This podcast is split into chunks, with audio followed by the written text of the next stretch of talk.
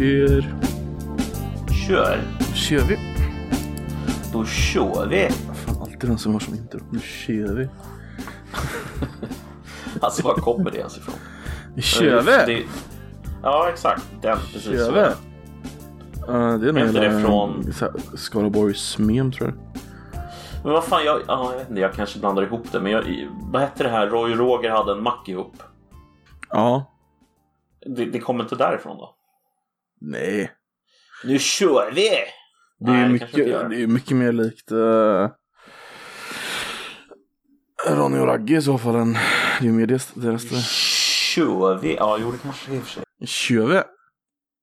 Kör vi? Kör vi Ronny! Fan bra. Jävla skitserie. Har, har, har du sett den överhuvudtaget? Vilken Ronny och Ragge? Ja. Ja, alltså jag var ju superförtjust i Ronny Ragge när jag gick i typ tvåan, trean i grundskolan liksom. Ehm, men jag kommer inte ihåg någonting. Jag kommer bara ihåg raggarballen med svängdörr Mm. och Ford, Forden och ja, jag kommer ihåg lite av grejerna. Så jag... Forden. Så fan Roger, det finaste någon någonsin gjort för mig är Ford. Alltså. Så jag vet inte, Ronny och Ragge på något sätt, det är så här ful kultur, är det inte det? Ja, men det gick ändå på SVT. Jo, ett annat, en annan tid. En annan tid. Ja, men det var ju 93 typ. Ja, det var tidigt Jag- alltså. jag kom- typ tänker på Ronny Ragge. små. Ja, jag var jätteliten. Uh, jag kommer tänka, bara för så här sätta så här, avskilja sig lite, men jag var liten. Ja. Uh, men jag kommer tänka på det, de gjorde ju den här låten uh, Pökpåsen är min bästa vän. ja, det kommer jag ihåg. Men det är så här uppenbart betalat av någon så här myndighet att de, ja men de här, de här, de här grabbarna är populära. De får göra en låt om att ha säkert sex. För det är liksom, Ja, det är det. ju inte något de skulle gjort annars liksom. Nej, nej. Pökpåsen är min bästa vän. Och... Mhm, Tack mhm. vare Jag är kvar. den har jag kvar min lem. Så var det ja. Mm. Så var det Alltså. Ja. Men, men alltså Settman. Eh, Nej, men det jag jag vet inte hur det har gått för den andra. Men jag vill bara säga det innan. Ja, kör. Jävlar vad han har lyckats bra alltså ekonomiskt. Sett Peter Settman. Han äger ju, Ja, något, jag vet inte vilket produktionsbolag det är han äger, men han äger något jättestort. Ja, han är ju multimiljonär. Alltså hundratals miljoner är han värd typ. Ja. Han äger ju typ hela media-Sverige. det är alltid så doldisar som äger typ allting. Eh, Mm. men det jag skulle säga, de fick ju betalt en massa pengar för att göra en sån. Dr. Alma fick också göra reklam. En sån, uh, fast det var ju för Trafikverket. Kommer du ihåg den? Hallå moppepojkar. Alltså jag kommer ihåg låten Hallå moppepojkar. Men menar du att den alltså, ursprungligen faktiskt var för Trafikverket? Ja, eller vad de hette på den tiden. Jaha, nej jag visste inte det. Ja, alltså, jag, jag har alltid trott att det var liksom någon slags eh, låt han bara gjorde helt random. Men det makes more sense att den är gjord för en myndighet Mm. och Trafikverket specifikt. Han sjunger väl på engelska primärt annars. Jag tror det, men jag tror han sjunger på engelska i den låten också. Gör det inte? Han blandar typ. Hallå moppepojkar, tänk på hur ni kör. Hallå moppepojkar. Um, Det är tio små moppepojkar körde till en bio. En körde vilse, sen var de bara nio. alltså, alltså, det är sådana nödrim. Det är helt vansinnigt. ja. Hallå moppepojkar, tänk på vad ni gör. Hallå moppepojkar, tänk på hur ni kör. alltså herregud. Det är? Trafiksäkerhetsverket hette det på den tiden som betalade honom för det. Herregud alltså. Mm. Ja, ett annat Sverige, en annan tid. Vad ska vi locka ungdomarna med? Ja, men en afrikan som är 40 bast. Han kan ju rappa. Ja! Och så kan det vara Gata Kristis för tio små mm, pojkar. Men, Fast- men tänk så här. Ja. Tänk så här. Att vi fortfarande kommer ihåg det här 2021. Det tyder ju på liksom att det var ju jävligt framgångsrikt egentligen. Det är Fast kanske inte av den enkla anledningen som de själva hoppades på utan mest för att det var så jävla roligt. Om Ja, de inte det- nu medvetet gjorde det för att det skulle vara kul, vem vet? Jag vet. Alltså det funkar ju. Men då gör de sånt idag, i dagsläget. Idag, i dagens Sverige. Så... Du menar så här outreach där man typ försöker Mm. komma igenom så här populära artister och Eller är det bara typ att man lägger upp en video på sin YouTube och så säger de att det är färdigt här liksom? Jag vet vad de kan göra. De kan, de kan kontraktera Yasin Byn till eh, Oh. att prata om våld och varför våld är fel. och varför man inte ska kidnappa folk. Eller varför man ska kidnappa folk. Ja, eller varför man ska kidnappa. Precis. Vad kan gå fel liksom? Ja, du får vara med i tv. Du får pris. Det hyllas av etablissemanget. Ja. Ja, men det är så vackert. Det är Man så måste ju vackert, skilja alltså. på gärning och gärning. Wait what? Jag vet inte. Jag ska göra skillnad på gärning och gärning. Ja. Men du, vi kan ju, man det? ja, tydligen. Vi kan passa på att hälsa våra lyssnare välkomna till Koffepodden. Din Ja. aktualitets och populärkulturpodd i cyberspace med mig, Koffe och den plommonstopiga Nedem. Ja, alltså. Tack. Det där värmde. Det det. Plommonstop, det skulle jag faktiskt vilja ha på mig. Skulle du ha till det? vardags. Alltså tänk dig, alltså så här, det, jag, jag, skulle nog egentligen inte vilja ha det. Alltså det, det är inte så, men Mm. alltså man skulle vilja ha det självförtroendet så att man bara satte på sig ett plommonstop och liksom gick till jobbet och bara så här ägde det liksom. Du, får, ju- du Ehm. måste ju ha en kostym på dig i så fall. Ja, ja, herregud. Du- du kan inte komma för- plommonstop annars. Nej, precis. Men plommonstop, är det samma som eh, Det är det som Charlie Al. Capone hade? Eh, nej, det tror jag inte. Jag tror hela den halvan, Charlie Chaplin, DuPontan hade väl också ett plommonstop va? fan hade Al Capone för jävla hatt då? Ja, det är inte alls en sån. Kolla på den här hatten som jag lägger i skitsnack nu. Den där hatten är ju cool alltså. Det är någon slags fedora. Är det? Tror det. Den är ju cool i alla fall på Al Capone. Ja, alltså det är inget fel på fedoras. Det är ju bara att det är massa, att det, det är liksom den standardhatten liksom. För coola män och då är det därför massa så här weirda filurer börjat använda det. Men alltså jag, jag måste ju säga det, hatt är en sån här grej som... Alltså har du någonsin sett en människa i din egen ålder? Vi säger så här, runt, runt 20 till 40 år ungefär, det spannet. Har du någonsin sett en man i den åldern kunna bära en hatt oproblematiskt och snyggt? En hatt alltså. Mm. Det är ju inte riktigt vår tids mode. Och man måste Nej, det är ju inte det. Det måste ju vara jävligt välklädd. Folk var ju mer välklädda förr i tiden. Har du tänkt på det? Ja, så in i helvete. Alltså även arbetare var ju liksom, de hade ju ändå Ja, ja, ja. snygg kappa ändå liksom. Alltså en så här Ja, och ibland liksom. så här eh, kavaj med liksom slag och precis, hela grejen. precis. Det, Det, ja. det krävs någonting för det där. Och så jävla mycket självförtroende också. Speciellt i Det dagsläget. finns ju någon slags historisk stilrenhet i mycket av kläder. Alltså typ, kollar man på kläderna från runt så här 30-40-talet. Mm. Alltså den typen av kläder som jag tror vi båda tänker på nu. Mm. Så har de ju någon slags historisk, eh, alltså de är ju ganska odödliga de kläderna. De kläderna Mm. funkar ju även idag, många av dem, utan att det blir konstigt. Absolut. Ehm, ja. Speciellt, speciellt manliga kläder. Kvin, kvinnliga kläder var ju lite mer... I och för sig tänker jag kanske mer på danshuskläder och sånt där. Ehm, Mm. men ändå. Man, manliga kläder var väldigt odödliga. Od, Ja, de är ganska tidlösa. Mm. Jag håller med. Det är, Fina grejer. man vill ju egentligen se framför sig så här, it- italienskt mode, så här, snygga kostymer med, med typ hatt. så här, Och sen- sen kom eh, det tyska 30-40-talet och då... Ja, Exakt. vä- väldigt randiga klädval då. Ja, ehm, jag vet inte varför dock. Alltså som, som det blev, alltså egentligen så här mode och förändring över tid. Alltså när man, när, man, Mm. när man försöker sätta sig in och förstå mode så inser man hur lite man kan om just mode och Mm. alltså design. Och, Ja, Alltså som exempel, ta så här arkitekt, arkitektur. Mm. Eh, att det gick från till exempel då eh, vad heter den stilen? Eh, Jugend. Mm. Det var väl, Jugend var väl 20-talet va? Är det så? Eh, lite tidigare. Lite tidigare och sen så gick det över i Det slutade Ja. typ 20-talet kanske kan man säga. och gick det ut, över ut i art deco? Nej. Uh, Jugend gick över till... Jag tror Jugend, jag tror Jugend på engelska heter art nouveau, men jag är inte säker. 18 Jo det gör det. Precis. Jag tror det. Och sen så, jag tror art nouveau som vi kallar Jugend övergick i art deco. Men poängen är inte det, utan poängen är Mm. bara så här. Hur sker en sådan övergång och varför är det så liksom riktningen den ska ta? Liksom, Mm. Varför ska den... Va? Hur vet man det? Men precis, Det vet man kanske inte i och för sig. Men på den tiden så var det ju liksom, det var ju, alltså, Art Nouveau eller Ljugen, det var ju ändå 30, 30 år någonting. Det var ändå, Ja, det var länge. Ja. Nu, nu är det så här, du kan ju se på en byggnad den är gjord på 90-talet liksom.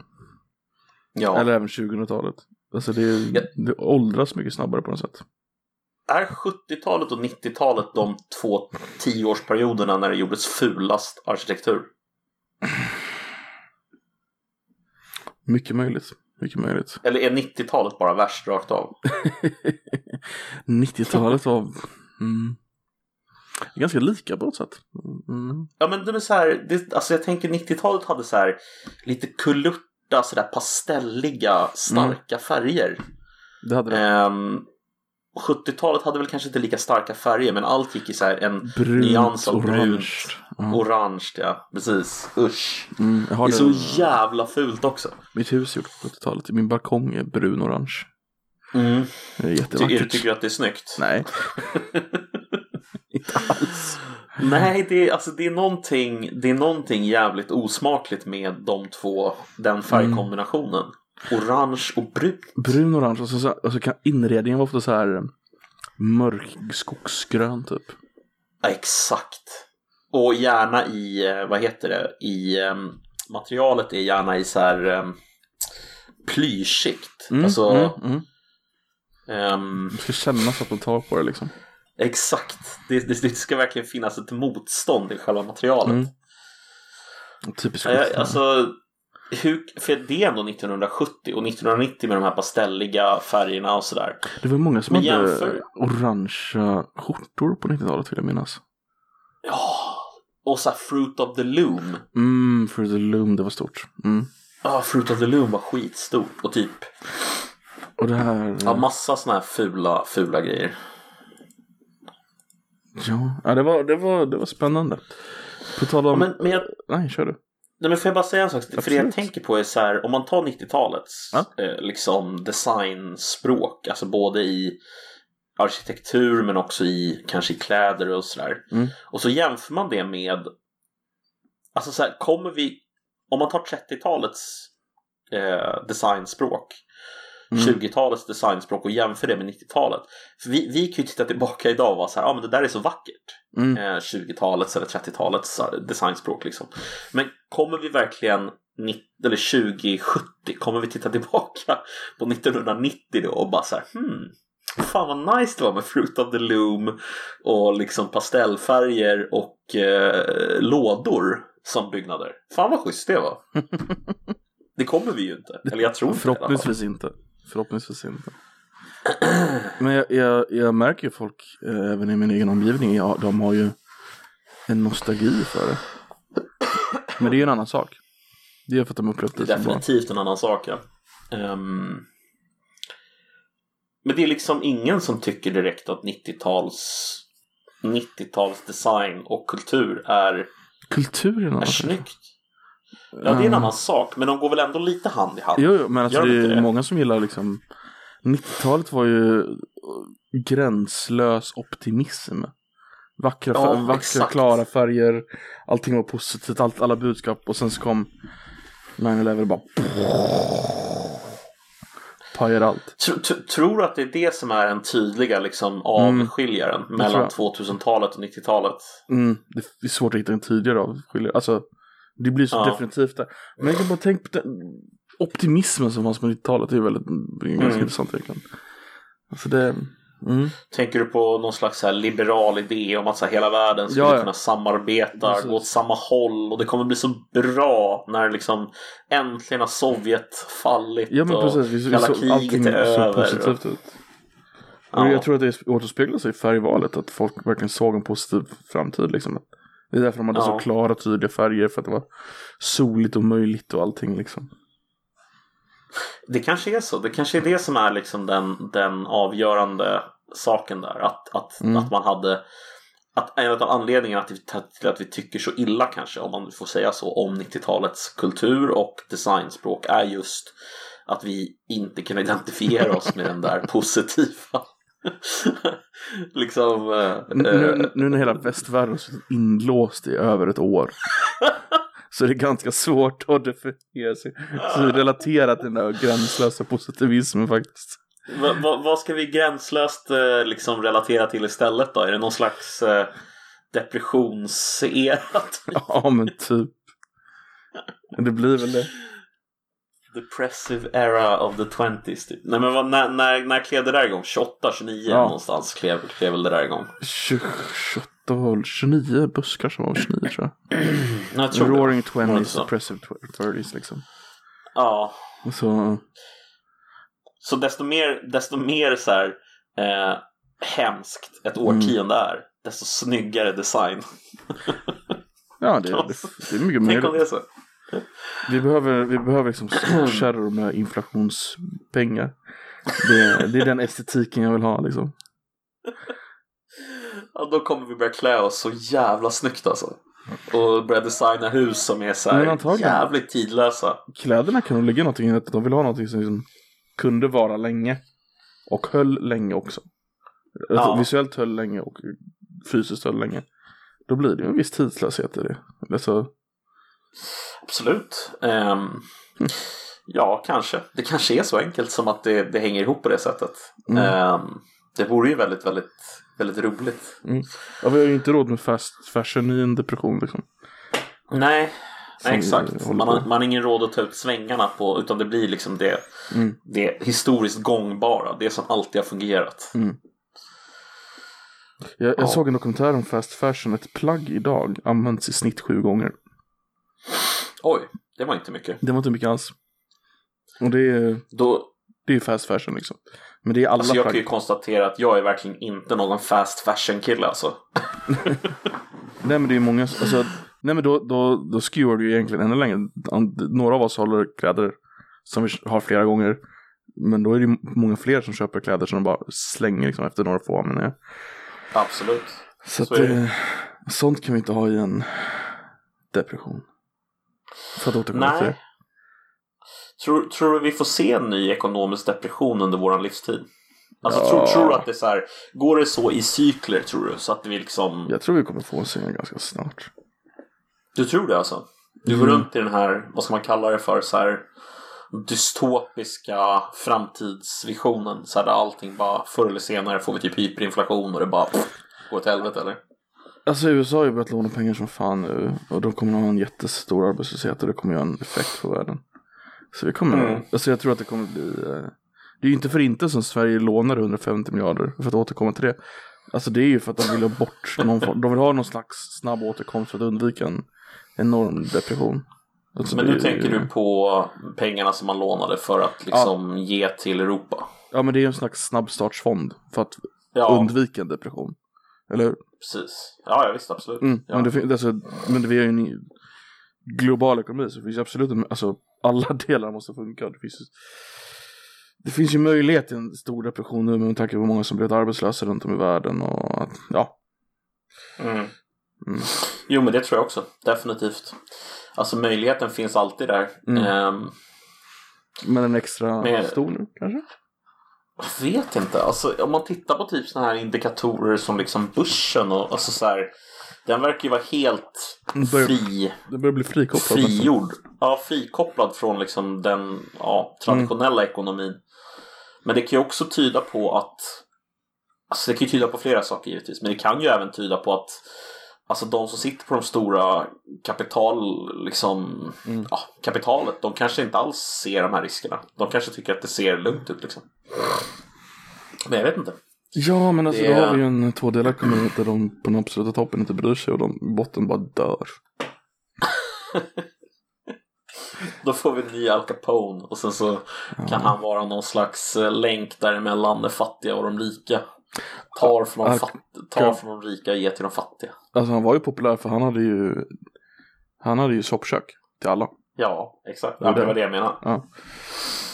Han var ju superpoppis bland de fattiga för att han helt enkelt erbjöd det som staten inte kunde erbjuda under en period när det var jävligt skralt. Mm. Precis. Ehm, På, på, det är väl samma egentligen med många av de här sydamerikanska eh, drogbaronerna. Alltså ja, Joaquin där. Guzman. Precis. Ja, precis. De har ju till Alltså, med, de ordnar ju fester och, och allting liksom.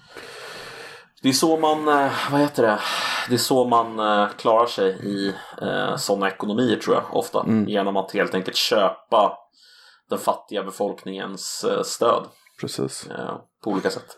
Inom varje favela är det väl ganska säkert. Det är väl gränserna mellan dem där byter gäng som är ganska farligt vad jag förstått. Ja, Vilket är ganska så här Alltså- udda liksom. Det, så som det är. nu tror jag i och för sig att när man säger farligt så är det väl också en fråga om så här, för vem liksom. Mm. För dig och mig är det nog farligt att bara gå in i en favela liksom. Ja. Vi, vi är vita och alltså bör rimligen bli rånade rätt fort. Vita och snygga. Ja men precis. Det blir lätt då. Då blir det lätt att man drar till sig folk va. Jo, jo men visst, man, står man ut så drar man ju till sig folk. Det är ju, alltså, Ja. Exakt. Du, vad, relaterad fråga, ish. Vad tror du Sverige är topp tre i världen på just nu? Eh, eh, att ha ett system. Att ha ett systembolag. Nej. Topp tre systembolag i Nej, världen. ja, det var något dåligt skämt från min sida bara. I Sverige har vi ett system. Det är vi bäst på att säga. System. vi, vi har ett system. Men, men nu, nu, nu Nej, sa vi faktiskt vad- vi vad heter är system. System. System. Nej men vad, vad, vad, nej faktiskt inte. se sen. Eh, Nej men eh, vad, vad Gör- är Sverige topp tre på? Var det det du frågade? En gissning. Vad Sverige är topp tre på Mm. i världen. Just nu. Denna vecka. Alltså jag gissar på att vi trots att vi har sådana enorma, eh, för att vara oss då, problem så tror jag att vi fortfarande har en av de absolut högsta förtroendena för våra myndigheter och eh, så vidare. Det är mycket Ja. möjligt. Det var inte det jag tänkte säga. Vad var det du tänkte på? Denna veckan. Nya fall av corona per, hund, per miljoner invånare. Så är Sverige tre i världen. Woo! Efter Yeah motherfucker! Uruguay, Bahrain och sen Sverige. Alltså, hur kan vi låta oss bli slagna av Bahrain och Uruguay? Det här är ju för fan ett skämt. Vi ska vara bäst i världen på det här. Uruguay är så här sinnessjukt högt. De har 1105 fall per en miljon invånare. Bahrain har 641, Sverige har 625 och sen går det bara neråt och neråt och neråt och neråt. Tills det kommer till uh, Nya Zeeland Ja. som har typ 0,1 liksom. Det är helt sjukt där nere. Så jag orkar inte ens. Alltså du vet, jag känner, bara, jag känner mig bara uppgiven när jag tänker på de här grejerna. Mm. Jag känner inget så här... Alltså det är väl det här också som gör att när jag tänker på vad vi traditionellt har varit bra på så är det ju Mm. just det här med förtroende för myndigheter och så vidare. Precis. Alltså, det måste ju ha fått sig en ganska hård törn av hur vi hanterar och har hanterat corona. Hoppas jag, helt ärligt. Jag tycker, jag ska, Eh. jag ska bara påpeka att världssnittet är 86,5 per en miljon. Och vi var på över Mm. 625. Så vi är tio gånger högre, är vi, ungefär. Det är... Nio det är nio gånger, ja. Ja. Men det är, det är bra jobbat. Alltså. Mm. Det är ganska bra jobbat. Finland ligger ungefär på världssnittet. Vi är tio gånger värre än dem. Och det är ändå ett Ja. grannland liksom. Norge 130, två gånger världssnittet. Mm. Fem gånger dem. Ehm, varför är vi så mycket sämre än alla andra? Vad är- det för Nej, jävla men vi- skit? Jag Va- tror helt ärligt att alltså, det finns väldigt enkla förklaringar på det. Alltså Låt jag tror att vi... Nej men jag, jag, jag, tror, alltså jag tror att det finns en föreställning i, i Sverige om att vi är bra på sånt här. Mm. Och att det här är någonting som man har med sig från liksom ah, svensk förvaltningstradition och alltså att ja, men vi, vi är bra på att hantera liksom eh, mellanstatliga och eh, inomstatliga saker med hjälp av myndigheter och olika experter. Det, det, det har vi traditionellt varit bra på. Jag tror att den bilden lever kvar. Mm. Men i verkligheten så, så stämmer liksom inte metoderna man använder överens med hur praktiken ser ut. För att vi har människor som lever i liksom utanförskap i utanförskapsområden som inte kan ta del av informationen eller ens kan tillgodogöra sig informationen. Eh, vi har mängder av liksom, eh, expertmyndigheter som kommer med olika inspel som inte ja, de har, verkar inte liksom ha kommunicerat gent, Nej. alltså sinsemellan. Nej, Jag, jag, jag vet inte, jag, jag, tror, jag tror att någonstans så har vi liksom vi har en självbild som inte stämmer överens med den praktik Mm. under vilken vi lever. Vet inte riktigt hur jag ska sätta ord på det. Ehm, jag vet inte om du upplever samma sak. Det vill säga att så här, Sverige, anledningen... kan, man Nej, säga, säg. kan man säga att Sverige har gått på sparlåga sedan 95? Det, är liksom, ja, men det, Ja, det liksom funkade då. Liksom, det så. Vi tänker att det, ja, men det, det är typ som det var då. Och så vi bara kör. Och så har vi liksom, gjort våra politiska förändringar i systemet. Så här, utan att riktigt tänka på hur det har påverkat det stora hela. Ja, men det där är min ideologi. Så det ändrar vi lite på det här. Så ändrar vi lite på det där. Mm. Men i stora hela så tänker vi att ja, men det ser ut som det gjorde förr. Det, det är säkert bra. Utan att egentligen Mm. göra en större, analys på det. Att, att det, det, det funkar inte längre. Vi lägger alldeles för mycket pengar på skräp. Ja, men alltså jag, jag kan ta ett exempel som jag, som jag har som... Mm. Jag, jag har en, eh, en nära... Eh, ja, en person som har jobbat på en myndighet Mm. som sedan blev privatiserad.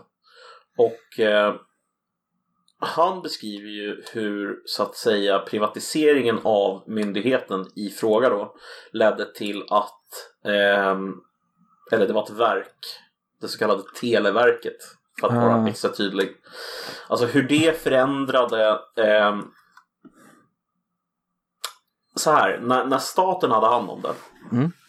så fanns det ett, ett långsiktighetstänk som, som var grundmurat i hur man tänkte kring hur man skulle gå framåt. Mm. Medan när det blev privatiserat eh, så försvann det där liksom långsiktiga tänket till förmån för att man skulle göra vinst och Mm, att man skulle liksom leverera. Ja, det där är ju den själv- klassiska rädslan vid privatiseringar. Liksom. Ja men själv, självklart, Mm. och det, det, det är ju en sån här klassisk grej.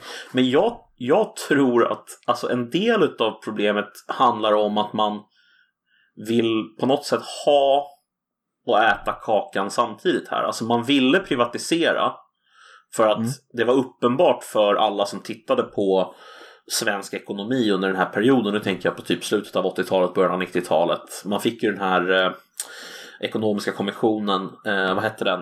Eh, Oh, nu tappar jag bort namnet på den bara för det.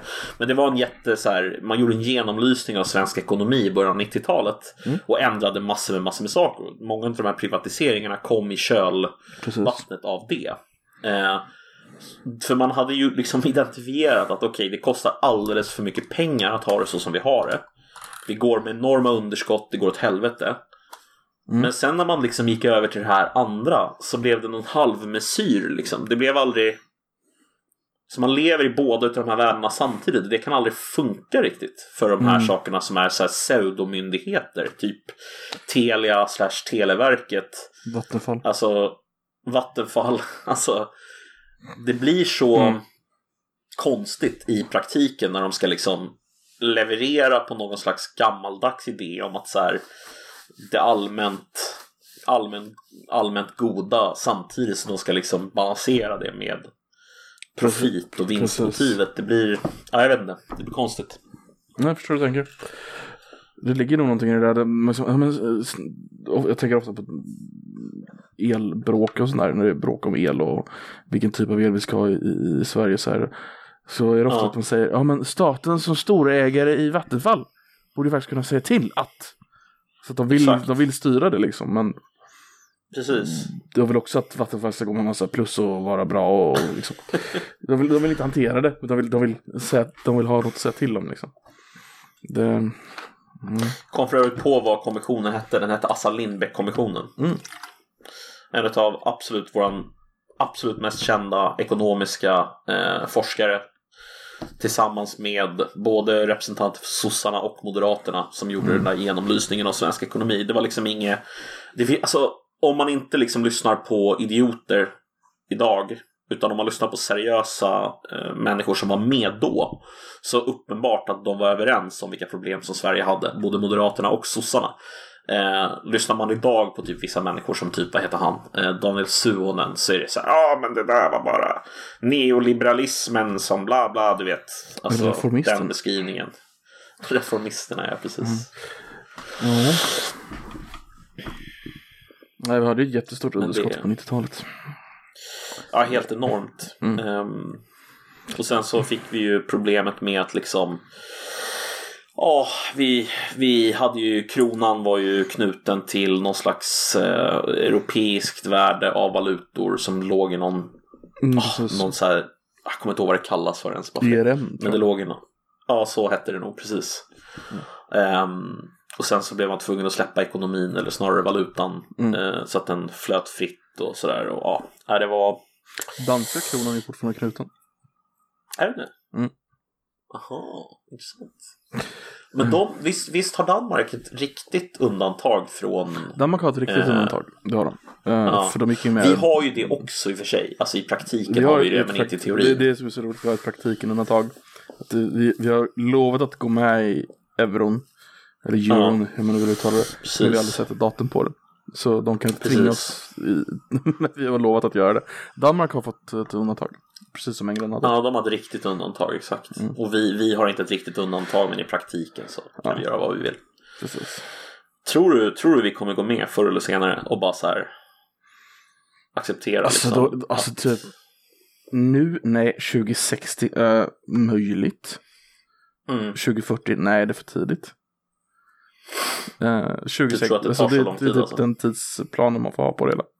Och då är det Mm. absolut det är möjligt, men jag tror absolut inte på närmaste 20 år. Alltså, det, där, det där är så jävla intressant. Alltså, nej, jag, jag, jag vet inte.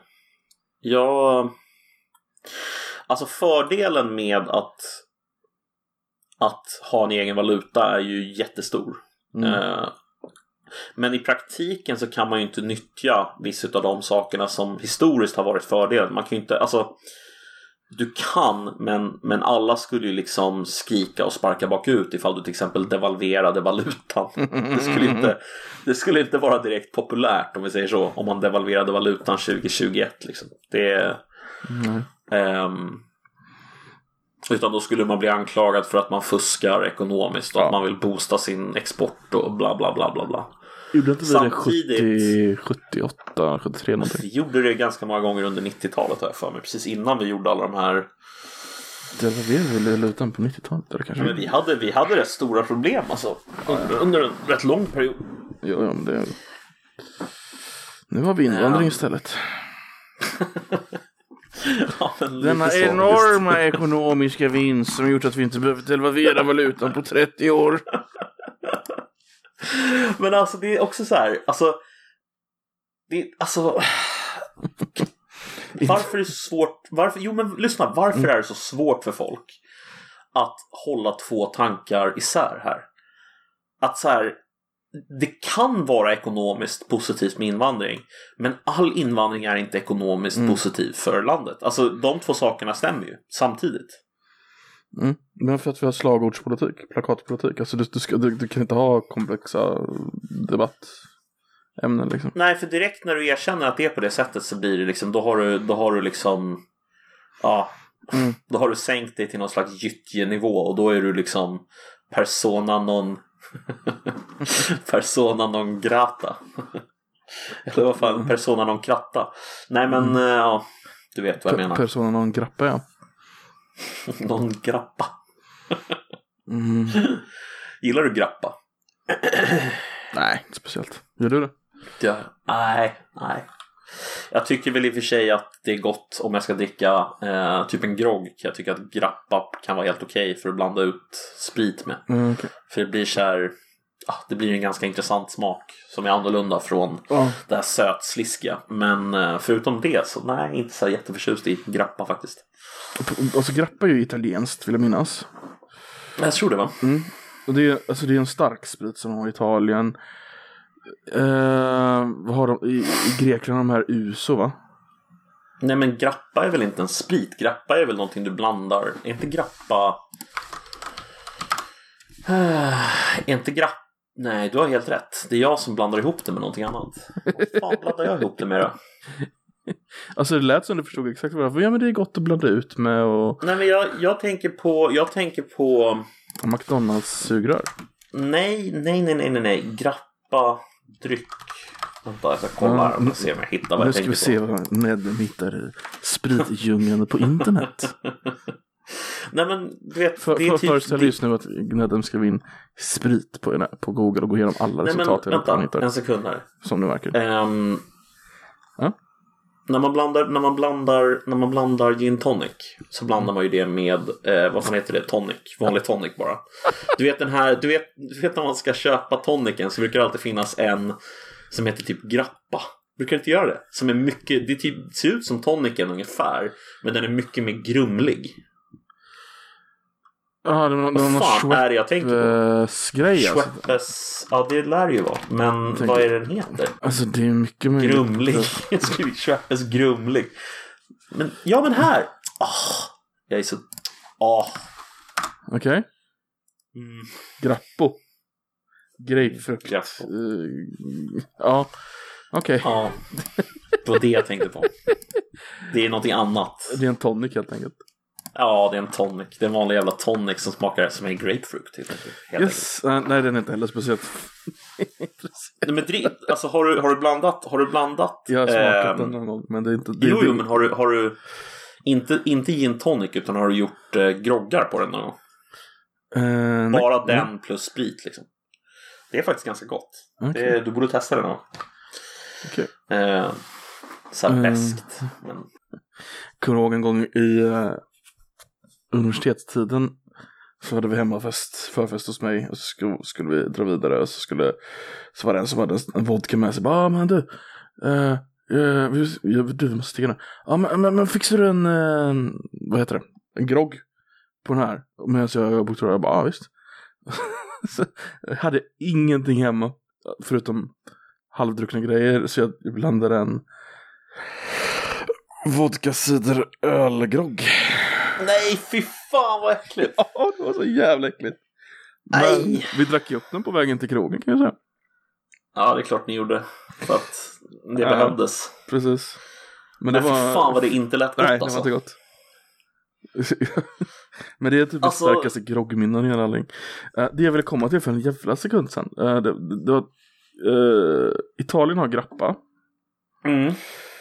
Grekland har det där UFO, EFS, nej, inte EFS, eh, det är en öl. Ehm, vad heter den här vit, som blir vit när du blandar den med vatten?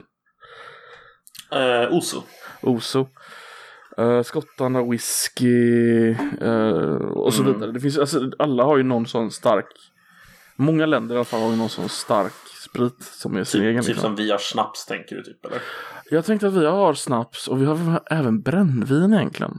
Eller hur? Men är inte brännvin och snaps samma sak egentligen?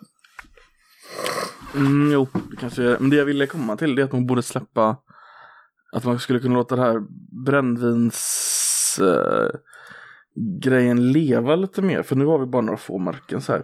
Vi skulle låta Mm. hembränningen leva. Då hade vi haft liksom massa fina hem, som inte då var hembränning utan var med bränningsgubbar uppe i Norrland där som, som hade sin egen liten tradition och så kunde vi, kunde ju blivit en hel industri och så kunde vi haft lite, tänk dig italienarna Ja. ko- kommer upp med en stor jävla buss till till Mm. Umeå och bara, och, "Ah, nu ska de åka på hembränningstur. Alltså har vi dö- döpt det till något så här coolt eh, Swedish burn, burn wine tours eller något sånt där. Det Men helt ärligt, jag tycker det är en Det skitbra idé. det här är kul, bli skitkul. Men istället så sitter vi och Nej, nu kan folk bli fulla i skogen, det är inte okej. Så sitter de och surar i, i Stockholm liksom. Jag har ju en... eh, Så, Har så en, släpp eh, hembränningen fritt helt enkelt.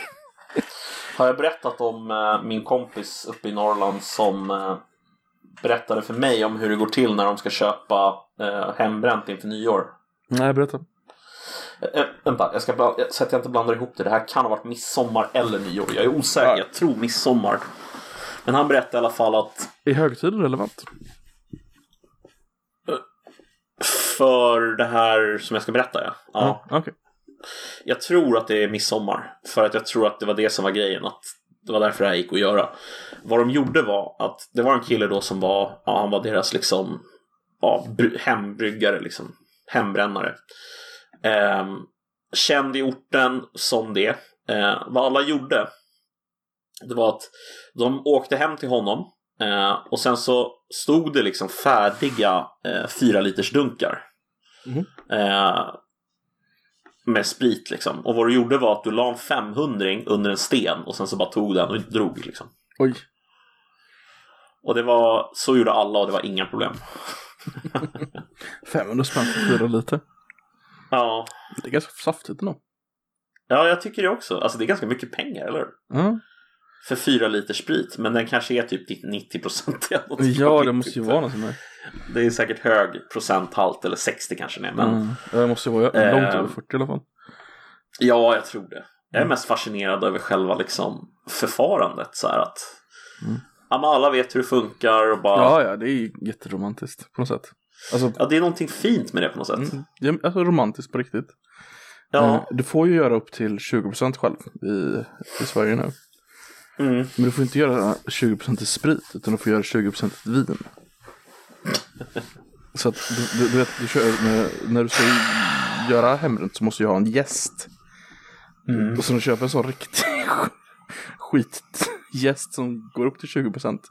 Um, det är ju inte gott vin på 20% kan vi säga det. Eh, den är Nej, inte gjord för att göra vin heller. Det vet de ju. Utan det är, Ja, det är gjort, det är gjort för att göra mäsk och sånt där. Men lagligt sett, så de, har, de skriver på uh, gästpaketet. Tillsätt laglig mängd frukt eller fruktjuice. Det tycker jag är asbra. Alltså jag... Det är som eh, cigarettpaketen det här rökning dödar. Dum jävla text de måste skriva på liksom för att vara lagliga. Ja, precis. Men är inte det här... Är inte det här på något sätt representativt för det vi pratade om i början? Du vet det här starka förtroendet som vi historiskt har haft för våra myndigheter. Hänger inte det på något sätt ihop med de här skrivelserna på alla de här... Ja, men man ska liksom- mm, Staten tar hand om dig.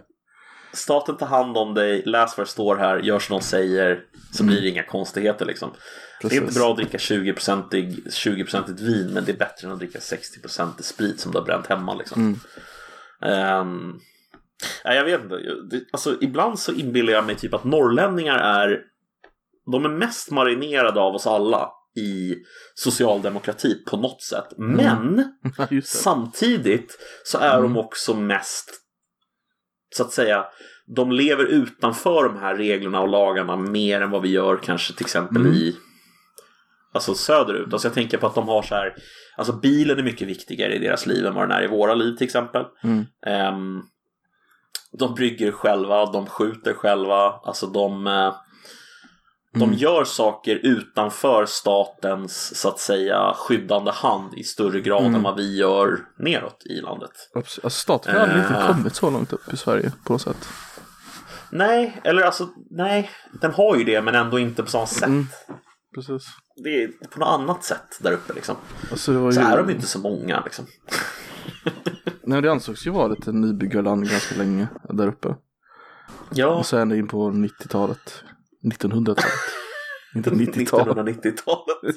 Nej men alltså. Det, Ah, men du vet, nej, men, Umeå. Massa trä och skit. Det var liksom mer, vad kan vi få ut av det till Stockholm och så får de hantera sig själva liksom. Ja, Mm. precis. På tal om sprit, vet du vad? Nej. Jag är full... Nej. Jag, skickade ett mail alltså. till min ICA. Om Ah. ah. förra veckans problematik. Ja, Och de har svarat. nej.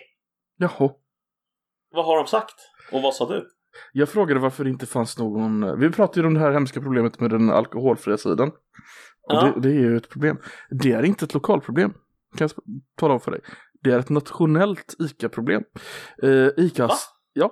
ICAs, eh, de köper in all sin... eh, I princip all sin uh, cider från ICAs centrallager. Ja. Varje ICA är ju en egen eh, butik, alltså de är ju självstående. Mm. Mm. Så de har no, uh, ICAs centrallager har endast 0,5% på sidan i dagsläget. Du kan inte, om du har en ICA-butik och köper från centrallagret så kan du inte få en starkare cider. Så vad han Men- men- lovade mig efter några år fram och tillbaka det är att han ska kolla på alternativa sätt att få in starkare cider till eh, avdelningen. Alltså det där är så konstigt. Så mitt, eh, Alltså- min upprådan till alla som lyssnar. Kolla era lokala ICA. Har de starksidor? Alltså inte starksidor, men har de någonting starkare än 0,5 på era lokala eh, ICA? Kolla det. Tänk om du skulle fråga dem så ah, men fan alltså jag, jag skulle vilja ha 5-procentig eh, liksom cider på, på Ica, kan ni fixa det? De bara ja, alltså vi kan ju alltid kolla, det är inga problem. Det var skitkul. Fattar hur mycket jag hade gått ut. Eh, det var nej men, ju, nej, eh, men eh, för, för fråga en sak Ja, visst, visst. Eh, vad heter det, förklarade de varför det inte fanns via huvudlaget? För det är också konstigt på något sätt. Alltså, nej, varför inte eh, huvudlaget? Jag kan citera. Ehm, Ica centralt har av någon anledning valt att inte ta in någon cider med alkohol i, i sortimentet. I och med det kan inte jag köpa in cider med en alkoholprocent över 0,5 procent. Det, För att citera hans mejl om just centrallagret. Så han visste inte Mm. heller varför. Men han tycker uppenbarligen att det är konstigt också. För det är ju konstigt. Ja. Alltså, det, det, det måste ju vara någon som har tagit något beslut centralt då. Får jag bara påpeka hur skönt det är att den här ICAn är så pass stor så att de har en kille som är ansvarig för dryckavdelningen och han svarar på mejlet som drycksansvarig. Det tyckte jag var kul. Ja, det är vansinnigt. Alltså när man tänker på det. Alltså, förstår du vad specialiserade vi är nu för tiden? Alltså när det kommer till sådana här grejer. Precis. Men jag gillar att han ska försöka få in starkare sidor från alternativa källor. Ja, det är lite fint faktiskt. Mm. Då, då tar han ju dig på allvar. Det Ja, men det precis. då får du ju får du faktiskt gå dit och köpa lite cider sen. Det får jag faktiskt göra. Det får jag faktiskt göra. Ja. Han, lovar, det. han lovar att återkoppla när han får in det också. Ja, du ser. Ja, ja men det Jävla- var vilken jävla väldigt superstar. snyggt gjort faktiskt. Mm. Men som Nej, sagt, men alltså- eh, alla som lyssnar, inklusive dig, gå till din lokala ICA och kolla upp där. Har ni Men sida där? Någonting jag gillar med, med det där också, det är ju att det där är ju liksom återkoppling direkt mellan alltså, butik och eh, kund så att säga. Mm. Och de svarar för att de vet att du är en betalande kund, annars hade du ju inte mejlat dem sannolikt. Ja, men du kan ju tänka dig om du hade mejlat till Systembolaget istället och ifrågasatt någonting. Då hade du ju bara fått ett så här standardformulär A-svar. Så här. Ja, du, du, Ja. ja. du har väl sett mina utbyten med Systembolaget på Twitter? Eh, ja, jag har svaga minnen. Kan du inte påminna mig lite? Då måste jag hitta en så du får hitta något att prata om. Jag Ja, nej, men jag vet att du har, jag vet att du har varit i kontakt med, med, med Systembolaget fram till. Jag tycker det är lite kul att de sakerna som får dig att engagera dig i din vardag till att mejla, det är när det är alkohol inblandat. Då är det så här, ah, nej, nej, här ska jag mejla, här ska jag mejla. Här, det här går inte för sig. Det här, nej, ah, jag är inte helt nöjd med det här. Men vadå, vad, eh, vad var det som föranledde din situation med Systembolaget då? Nej, jag, jag har mejlat till dem flera gånger. Typ, jag, typ, Var det här i samband med att du hade samma problem som Filip i Filip och Fredrik? Det här att de känner igen dig på ditt lokala systembolag? nej, nej, jag, jag, jag har klagat på att de fått ta, varit för dyra ganska många gånger. Är det sant? På riktigt? Du, du, du har mejlat dem och bara såhär, nej, den ska inte kosta så här mycket. Um, like, ja, ja. klagar på deras he- hemleveranskostnader var för mycket och sånt där. Ehm, men det, det, det har gått via Twitter, det måste jag påpeka. Jag älskar att du, att du har den här relationen till Systembolaget. Jag är även, Fuck 'em. det, det, det, det, det enligt mig roligaste, det var, jag frågade efter deras eh, Black Friday-rea. Mm. Så fick jag så här långt, Fick du något seriöst- svar? långt seriöst svar att vi inte arbetar på det sättet. inte den typen av reor på Systembolaget för att vi tänker oss för och tänker att folkhälsan är viktig och bla bla Ja, precis. bla. Eh, hade, hade du sagt till innan så hade jag kunnat ta upp eh, den bästa. Den, eh, so- Zombie tycker den är jätterolig för den, är- den är några år sedan men då gick jag ut och typ argumenterade för att de uh, förnekar uh, vanliga proletärer uh, och så, alkohol medan de lever i lyxliv för statsmakten och sånt där. Wow. Jag, gillar att du, jag gillar att du engagerar dig. Det är, Ja. vet du, en av de få sakerna som får mig att skriva mejl och bli sur och engagera mig det är när jag får typ så här hemreligiösa böcker. Men eh, det, det är min motsvarighet. vi kanske bara olika religioner. Antagligen. Antagligen. Ja. Din religion är eh, alkoholen. Jag ska byta religion till den religionen. Det låter nice. Det låter nice. Lugn. Betyder inte att du är alkoholist bara för att religionen är alkohol. Eller hur? Ja, precis.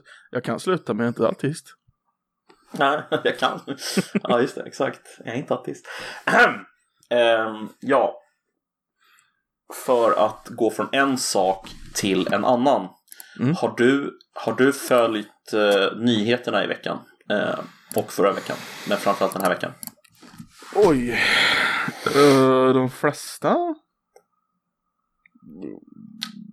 Då kan inte du ha undgått och missat Persona non grata med Undgått Soran att missa. Ismail. Aha, blev det negativ på negativ där? Mm. Undgått att missa.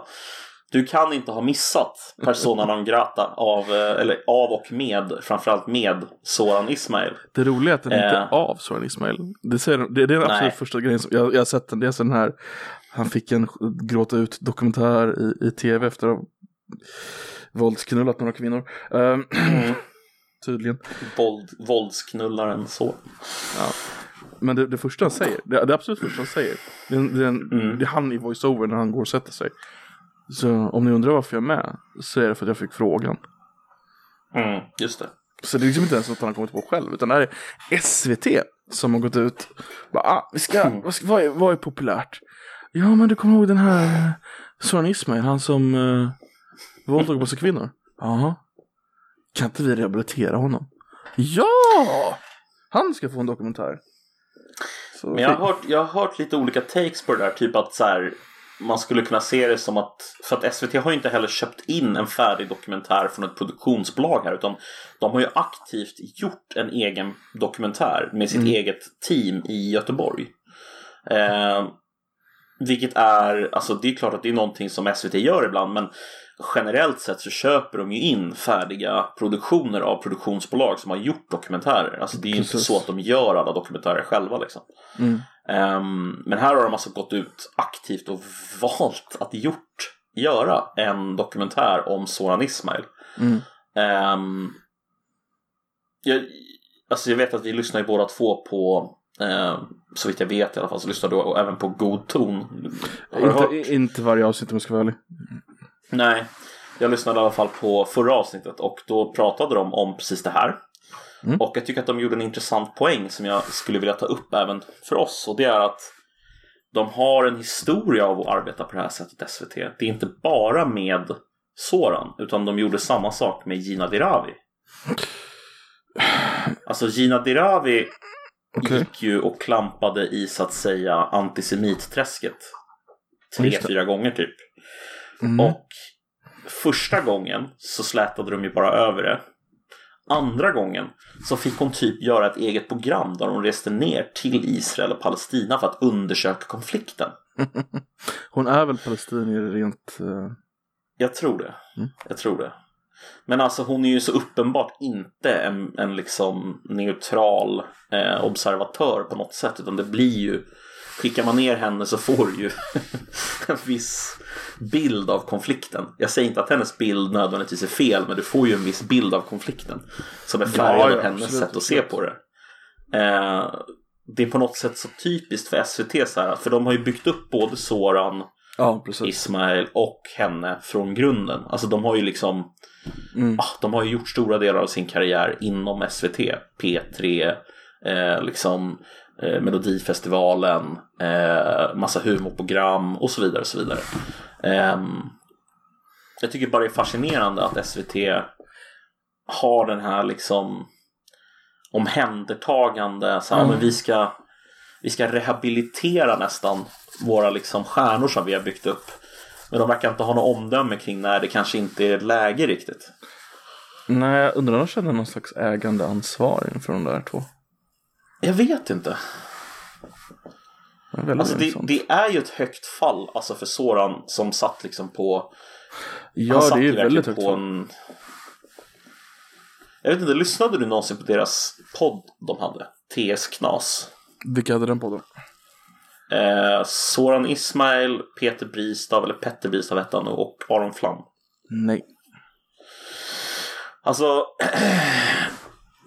om man lyssnade på den podden så var det ganska tydligt i alla fall att eh, mellan raderna så var det mycket snack om att Soran absolut inte var den här liksom gulle, alltså Mm. jag, tyck, jag tycker det framgick mellan raderna ofta liksom att de att Soran inte levde det livet som han kanske ville porträttera sig själv Mm. som att han gjorde. Han blev Ehm. väldigt hyllad som liksom den, den gulligaste personen någonsin. Men i den här personen non grata så kommer det fram, alltså han var ju inte känd mer än vad, kan ha varit tre år kanske eller? Nej, längre var det väl? Var det inte det? Jag vet inte, alltså det, det, det är inte jättelänge. Han är typ 27 nu, han var 19 när han började. Han har varit borta i tre Mm. år. Eh, Mm. Fem år då.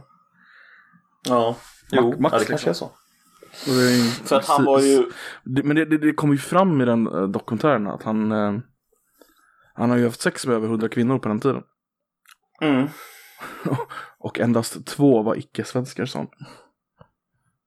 Vilket är en Ja, väldigt det. intressant eh, iakttagelse som eh, egentligen borde grävas djupare i. Han sa det alltså att, men alltså har han räknat? Eh, på vilken av delarna? Att det var över 100 eller att det var två som inte var det. Har han räknat det exakta antalet som någon jävla sexautist typ? Alltså det känns ju kanske inte jätteviktigt att veta så här, det exakta antalet. Så, ja, det var 103 tjejer. Men känns som om någon skulle räkna så känns det som han skulle göra det. Han har lite den personligheten. Han har definitivt den personligheten. En sak, ja, ett av mina starkaste minnen från deras, eh, deras podd är att han hade ett jävla sifferminne. Han kunde rabbla så här typ de första tusen siffrorna i pi eller något sånt där helt absurt. Ja, okej. Eh, för att han hade lärt sig det för några jävla grejer någon gång. Ehm, ja, jag vet inte. Ja, Intressant det- i alla fall att ja. de väljer honom för ett sånt här program. Det, det, det är beklagligt. Alltså jag tycker inte riktigt det var okej. Ja men allvarligt, varför, de skulle ju aldrig tagit fram Martin Timell. Nej, nej, nej, nej. Men han jobbar ju inte Alltså nu. Men det är inte vad nej jag göra. vet men alltså, så jag Eh. bara säger att det hade ju aldrig funkat. Nej, precis. Men det är för att han är... um, Martin Timell blir inte dömd heller. Eh, Nej, det är det jag menar. men det är, det är ju för att han är, in- alltså det måste ju vara för att han är invandrare på sätt. Och att, han, att de har byggt upp honom. Jag tror att det har att göra med att de har byggt upp honom Mm. och att han hade en sån här jävla... Men de har byggt upp honom för att han är invandrare. För att de vill ha en liksom. sån person i, i liksom media. Absolut. Det är samma Ja, ja. med Gina Dirawi. Hon är inte... Hon är halvrolig liksom. Hon är inte superrolig liksom. Nej. Alltså Gina Dirawi, den nivån av kändisskap som hon hade. Hon, hade någon annan haft det så här så hade ju inte de fått leda julafton liksom. nej, nej, nej. Men alltså hon var ju väldigt mycket en... Alltså ordet shoehorn, jag kommer inte på skohornad. Mm. man säga det på svenska? Att någon blir skohornad. Mm. Men det är i alla fall så jag upplevde både hon och Soran. Att så här, här ska det vara en person med en annan bakgrund men som har lite skön liksom aura. De ska Mm. in här nu på den här platsen för att vi behöver en sån person. Så bara, okej, Gina Dirawi, nu kör vi. Pang bom. Och sen så blev det så. Och samma med Soran. Ja men precis. Ehm, istället för att det fick ske mer naturligt av att det bara liksom kom personer som man liksom... Jag menar, även om jag inte är någon sån här superfan av eh, eh, Kodjo Akolor. Eh, ja, så ja, tycker jag att radio, radiokillen. ja, Mm. Kodjo är ju liksom... Ja, men han är ju självgjord liksom. Men han är, Han är ju självgjord han är självgjord, men han är och därför är han inte alls lika känd. Vilket är väldigt intressant. För han är ju jävligt talangfull. Jo, precis. Han är ju extremt talangfull och jag, så jag ska inte säga att jag tycker att han är speciellt så här. Jag tycker inte han är så rolig om jag ska vara helt ärlig. Men, men jag kan ändå förstå hans appeal på något sätt. Alltså jag förstår, han är alltid glad, han är alltid positiv. Mm. Han har någon slags, så här, vet, han gör ju folk glada. Eh, och jag kan inte för mitt liv förstå vad som var liksom, vad var selling pointen med typ Gina Dirawi? Eller Soran Ismail. De var ju inte speciellt roliga någon av dem. Hon var ju att hon var ung invandrartjej och hon hade ju så här populära sketcher på YouTube vill jag minnas. Mm. Typ när hon var, var svenne och då, då hon, kallade, hon hade, karaktären hette alltså svennen. Och då gick hon ju Mm, runt och köpte bearnaisesås och sånt där. Mm. Ja, Vilket, det var ju kul. ja, men jag har ju sett några av de här. Det var ju inte kul alltså. Det var så här, aha, ja. Nej men det lockar en invandrarpublik. Ja, kanske. Det, alltså, det kanske var så enkelt. Man kanske bara, det var en demografisk liksom. Mm. Man var ute en viss, efter en viss demografi och så kände man att man behövde ha någon som Ja men precis. Men är det, ah, jag vet inte. Det är, väl, är det frågan om det är sånt SVT Public Service ska pyssla med? Att göra sådana överväganden? Jag vet inte, kanske. Nej men alltså det... Jävla udda. Alltså bara tänka på att de gör en dokumentär om någon som är liksom våldtäktsanklagad. Och att det är Mm. liksom ett snyftprogram om den personen. Det är väldigt udda alltså. Ja men det, det, alltså jag tror att det blir absolut som mest udda när man försöker sätta någon annan i den rollen som inte Mm. är Soran Ismail. Då blir det tydligt hur konstigt det är. Alltså ta han... Eh, Ta Paolo Roberto. eh, ta Paolo... Ja fast han i och för sig, han erkände. Han erkände. Så det är den stora det är också intressant. Uh, Soran försöker liksom väldigt mycket komma undan ansvar liksom. Han, Ja, är, han är, han är lite som en skolpojke, du vet så här. Ja, ja, men typ det kanske hände, men vad vet jag? Det kanske inte var, alltså det, jag vet inte. Alltså jag, det, Jag kan, vet det inte. kanske hände, vi kanske missförstod varandra, men Ja men det vad fan, hade han inte, fel sprut, liksom. hade han inte sprutat någon tjej i håret och sen så kammat henne? Mm. Det är ju, alltså på riktigt, det är ju, alltså, det är ju genuint sjukt beteende. Vem fan gör så? Alltså okej om det är så här och ett skämt och hon är med på det, så här, fine. Men alltså, Ja, nej, men det så det var väl något av det som, beteende. de, den personen var väl med på det tror jag. Eller var det en av de grejerna Nej. som de inte var med på? Ja, det var ju kul. Roligt. Ja, men, alltså jag försöker komma på någon som skulle varit så här. Okej, vi kan ta Fredrik Virtanen. Ja, Virtanen blev inte dömd. Tvärtom. mm, han blev frikänd. Ehm, han blev frikänd. Ehm, hade det här programmet kunnat gjort som Virtanen? Nej. I SVT? Nej, nej, nej. Virtanen ska ju straffas. Men det, det som är intressant med, jag, jag, jag har faktiskt ingen aning varför det inte går. Eh, Nej, för det är uppenbart att det inte går. Men, Mm. men frågan är alltså varför då? det, jag, jag kan inte svara på det. Men jag tycker en grej som de har gemensamt som är intressant. Det är att båda har anmält sina eh, offer, så att säga. Och vunnit Mm. i domstol. Mot offren. För Precis. förtal. Och alltså, för, för att liksom, för att göra det klart, alltså jag säger inte att jag vet att någon av de här har gjort någonting. Tvärtom, alltså jag har ingen aning. Det är inte det som är, det är inte det som är grejen för mig, utan för mig är grejen snarare så här att SVT agerar på det här sättet är så jävla, det är så typiskt för SVT. Verkligen. Alltså vad, vad de kan tänka sig göra och vad de inte kan tänka sig göra. De skulle aldrig någonsin ha kommit på tanken att göra det här programmet om till exempel Fredrik Virtanen. Det hade aldrig hänt. Nej. Och varför inte? Jag vet inte. Jag kan inte sätta ord på exakt varför. Jag vet bara att det inte skulle hända. Ehm, och där har vi någon, vad är det man säger? Sila kameler och svälja mygg. Svälja mygg och sila Wow, kameler. ingen aning. Jag tror inte jag har hört Har du hört det uttrycket? Vänta, Nej. jag måste hitta det. Sila, sila kameler.